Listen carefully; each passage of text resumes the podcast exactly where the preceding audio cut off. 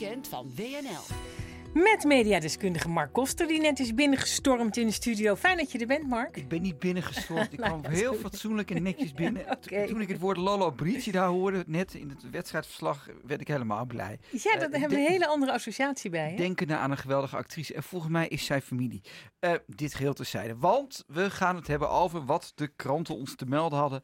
En eh, het is altijd leuk om, om een beetje een themaatje te ontdekken tussen al die, die stapels papier en de digitale ehm, dingetjes die je binnenkrijgt. Wat mij betreft was het het weekend dat de polder een onvoldoende kreeg. Ja, mevrouw Spijker, de polder kreeg een onvoldoende.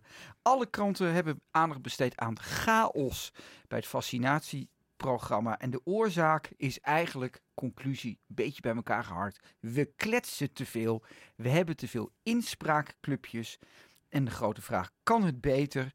Ehm, had het beter gekund? En daarop is het antwoord, en nou kom ik al in, in een van de eerste kranten in de Telegraaf. Ja, het had zeker beter gekund. Ik citeer Herman van der Weijden. Ik ken hem niet. Was in 2009, en nu gaan we er meteen diep in, programmamanager van het fascinatiecampagne tegen de Mexicaanse griep. Wel kleiner dan wat er nu is. Maar destijds werd Nederland kampioen, want we waren de allerbeste om de mensen eh, een spuit te geven. En deze Van der Weijden die zegt in de Telegraaf: Ik heb in september al aangekondigd dat het mis zou gaan. Ab Klink, toenmalig minister van Volksgezondheid hè, in 2009, pakte wel de regie. Hij gaf mij de verantwoordelijkheid over een stuurgroep met de belangrijkste vertegenwoordigers van de ziekenhuis en de huisartsen. Er lag een draaiboek en we maakten heldere, in beton gegoten afspraken. Ja, Margreet. Ja. Want er zijn zoveel kikkers in de kruiwagen. Nou, het zo- gaat maar het. door, maar toch? het is prijsschieten nu toch? Want het is duidelijk. Na Bulgarije zijn wij het traagste land van Europa. Dus het zou toch wel raar zijn als de kranten niet melden dat we dat allemaal niet goed doen. Nee, dat verbaast me niks. Nee, dat verbaast me ook niks. En, en, en de, Telegraaf gaat nog even door. Het wordt tijd om het leger erop te zetten. Het leger is een beetje het nieuwe panacee voor alles. Hè? Het leger, daar houden we Frank ineens... Bijleveld was al in de- deze maar uitzending, hebben we het al over Bijleveld gehad. is bijna al premier. Mart de Kruijf, ook hem kende ik niet. Commandant der Jawel, die had je kunnen kennen hoor. Die Oh, is hier ook regelmatig het Cruijff is Ja, dat komt misschien omdat ja, ik het je nooit in het leger heb in. gezeten. Dat verklaart het. De laatste lichting, eh, ik hoefde niet, eh, misschien was ik ook niet doorgekomen. Die zegt ook dat het aan, eh, ja, aan regie ontbreekt. En hij zegt dat die 25 veiligheidsregio's, al die kikkertjes, hou er nou eens mee op. En dan gaan we verder. Heel leuk interview. Femmetje de Wind, journaliste, heeft in het parool nou ongelooflijk leuke rubriek. Dat ga ik nu even omarmen en endorsen, zoals dat mooi heet. En zij interviewt daar CEO's en bestuurders. En dat hele vette pagina's. En ze heeft nu een van mijn helden geïnterviewd. Peer Swinkels, 45 jaar, is de baas van Bavaria. We mogen het één keer zeggen. De Swinkels-familie. Achtste generatie inmiddels. En hij zegt ook: we zijn in dit land echt doorgeslagen in onze decentralisatiedrift. Dat zie je in gemeenten en in zorginstellingen terug. Het ligt niet aan de, aan de GGD of het UWV. Het ligt aan, en daar komt de kritiek weer, aan de wetgever en de politieke versnippering in ons land. Dat de bestuurbaarheid een probleem is geworden. Het poldermodel werkt vaak goed, maar in dit soort crisissituaties niet. Dat de overheid niet in staat is een goede, in de, een goede wetgeving neer te leggen, is een fout van de politiek. Wat vind jij? Is nou ja, dat- ik heb nou- er wel een beetje een dubbel gevoel over. Kijk, in eh, China hebben ze het heel goed geregeld. Want dan heb je, heb je één zeer machtige regering die alles bepaalt. Nou, dat wil je ook niet. En eigenlijk vind ik het heel vaak wel goed. Maar ja, in dit geval pakt het dan niet goed. Ja, uit. dus je vindt het dat we nu een beetje weer te hard erin klappen. Nou, en ja, ik zeggen, vind het een beetje makkelijk. Met, met dit voorbeeld is zo duidelijk dat dat niet eh, goed is gegaan. Maar daarmee denk ik niet dat je de conclusie kunt trekken dat decentralisatie op zich altijd slecht is. Maar ja, er Oh, zijn wel voorbeelden. ja. Jeugdzorg is ook niet goed gegaan. Maar... Het is weer NPO-tijd, kwart voor bijna zes uur en komen de nuances van Spijker weer. Sorry!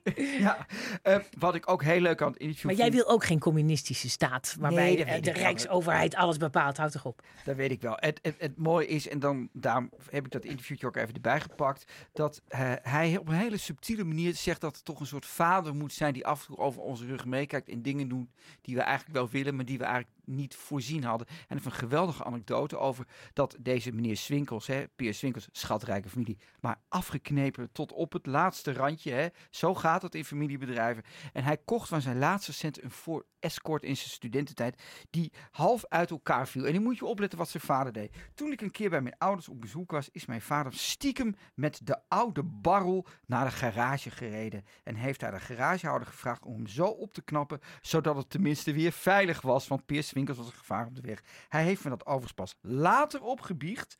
En dat, dat vind ik dan zo mooi aan zo'n verhaaltje. Dat soms hebben we mensen nodig die even dingen regelen, zonder dat we dat doorhebben. En dat we denken, hè, Oh, is het al geregeld? En dat, Ja, ja, ik, wil, ik wil Hugo de Jonge niet meteen met pa, pa Swinkels vergelijken, maar als die luistert, lees dit dus en denk daar eens aan. Dan gaan we met, ja, wat mij betreft, de domste kreet van het weekend naar Sigrid Kaag. Die wil dat er twee termijnen komen voor de premier. Ik weet niet of je het meegekregen hebt. Ik heb het meegekregen. ja. Acht, acht jaar max. Eh, je zou ook zou kunnen denken, als zo'n kabinet na 80 dagen valt, hè, zoals met eh, de LPF, mag, mag je, telt het dan voor één? Of, of hoe, hoe moeten we dat zien? Oké, nou ik denk dat ze een beetje keek naar de Verenigde Staten. Ja, denk je dat echt? Ja, dat denk ik. Of denk je dat ze gewoon nu iets wil zeggen over Rutte? Dat hij Ja, te lang natuurlijk. Vindt zij eh, dat zij de nieuwe premier moet worden. Daar is ze wel heel helder in. Ja, maar zij, ik vind het, ja, ik, of nou op Rutte stemmen, dat gaat allemaal niet om. Maar ik- het zou toch ook wel leuk zijn dat Rutte gewoon het record pakt en Lubbers uit de boeken stoot. Dat is toch ook alweer aardig? Wat maakt het uit? Laat de beste winnen. Ja, nou, zij, ik zal even het citaat voorlezen. Ik vind het nooit gezond als mensen zo lang hetzelfde blijven doen. Dat hoor je ook terug in het bedrijfsleven. Overigens, we hadden net de familie Swinkels, acht generaties. Ja, prima. hè? Volgens mij gaat het helemaal, dat gaat helemaal niet. gaat gaat helemaal niet- juist en generatie Sterker generatie. nog, bij die Swinkels is het zo dat ze daar ook de duurzaamheid, eh, eh, omarming, familiegevoel. Dus ik zou zeggen, ehm, misschien moet het juist wel wat langer blijven zitten. Want die politici, en zeker Kamerleden, dat is een beetje een doorgangshuis van tamelijk opportunistische types. Nou, ik ben het er wel mee eens. Ik, vind het heel fijn, bijvoorbeeld Pieter Omtzigt, de- Ja. Kamerlid, die zit daar al heel lang. En daarom is, weet hij precies hoe de hazen lopen. En dat is een zegen, lijkt me. Precies. Zij wil dus dat dat eh, ja, snel ehm, eh, verandert. Om, en, en dat zie je dan vaak. Mensen die dan dingen ontlenen aan Amerikaanse dingen gaan ook Amerikaans praten. Dat doet eh Kaag dan ook. Eh, delivery on the job wordt er niet beter van. Ja, ik, wat vind je van de- eh, delivery on the job wordt niet beter van. Kom op Sigrid Kaag verzin wat beter. En dan hebben we Annabel Nanninga. En daarom ben ik ook natuurlijk met dit bruggetje wezen bouwen. Annabel Nanninga gaat helemaal los op Sigrid Kaag. Omdat Sigrid Kaag, jij zei het net al, premier van dit land wil worden. En wat vindt Annabel Nanninga ervan? Die met haar partij Ja 21 dat wil proberen. Ik geloof niet dat ze de, de ambitie heeft om premier te worden. Ze heeft wel de ambitie om in de Kamer te komen. En zij zegt, en ik omarm dit helemaal, de ziekte van deze tijd is dat mensen zichzelf zo opwerpen als rolmodel. Dat doet Sigrid Kaag ook. Hè? Die afficheert zichzelf met Angela Merkel. Zoals Sigrid Kaag, die beslist dat zij een rolmodel voor vrouwen is, omdat zij een vooraanstaande politieke functie heeft. Ik vind dat stuitend ijdel. Wat vind jij? Nou, weet je, je hebt nu al zoveel kritiek geleverd op Kaag. En ik heb bijna de neiging om het voor erop te nemen. Nou, doe maar. nou ja, weet je, ik vind het leuk dat vrouwen ambitieus durven zijn en zeggen: hé, hey, kom op, ik wil eh, premier zijn. Als je dat al niet mag zeggen, waar, waar blijven we dan? Ja. Dus ik vind het top dat ze het probeert. En, maar als je het politiek niet met haar eens bent, dan, dan snap ik dat ook. Ja, Hè? Dus daar hebben we het over. Ja het, ik, vind het, het interview... Maar, maar ik bedoel, als Hoekstra zegt: ik wil premier worden, dan staan toch ook niet de kranten de bol van hoe raar dat is dat hij dat vindt? Nee, nee. Nou dan. Oké, nou goed. Eh, eh, eh, Het goede aan Annabel het interview. Ik ga nog even door, want het is echt een heel leuk interview. In het Financiële Dagblad, keur, keurige krant. Dus Annabel daar heel lang geïnterviewd. Aan body positivity heb ik ook een bloedhekel. Nu komt een lekkere zelfspot aan. Van die vrouwen die exhibitionistisch een badpak op Instagram gaan staan. Helemaal mee eens. Goed zo, Annabel. Hou op, mensen mogen natuurlijk niet belachelijk worden gemaakt omdat ze dik zijn. Maar laten we nou niet doen alsof het zo gezond is als je, een als je een, geen normaal gewicht hebt. Ik ben zelf niet slank, zegt ze, dat weten we allemaal. Dus ik mag het zeggen, we moeten ervoor uitkijken overgewicht te normaliseren of zelfs te vieren. Te dik zijn is gewoon niet goed. Ik vind dat leuk. Annabel Nanninga heeft wat mij betreft dit, weekend de leukste quote geschreven in het Financiële Dagblad. Ehm, ook, ook leuk aan het interview, dat wist ik ook niet, dat ze eigenlijk heel jong het huis uitging. Op een 19 al een kind kreeg, bij de McDonald's heeft gewerkt in een ijssalon. Eh, haar vriend ook, ze is daar inmiddels van gescheiden en ze heeft al twee kinderen en eentje is al bijna het huis uit. Geweldig interview. Dan, wat mij betreft, het nieuws van de week. Ver weg stopt in de financiële telegraaf.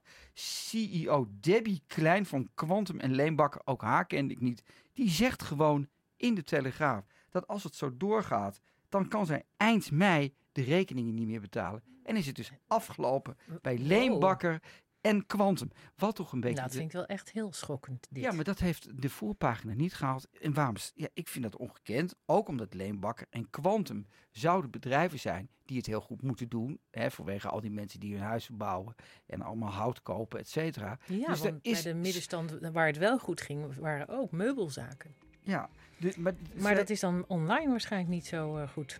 Ja. Daar moet er wat gebeuren. Ja. Maar ik mag toch hopen dat dat soort bekende bedrijven gewoon ehm, eh, overeind blijft.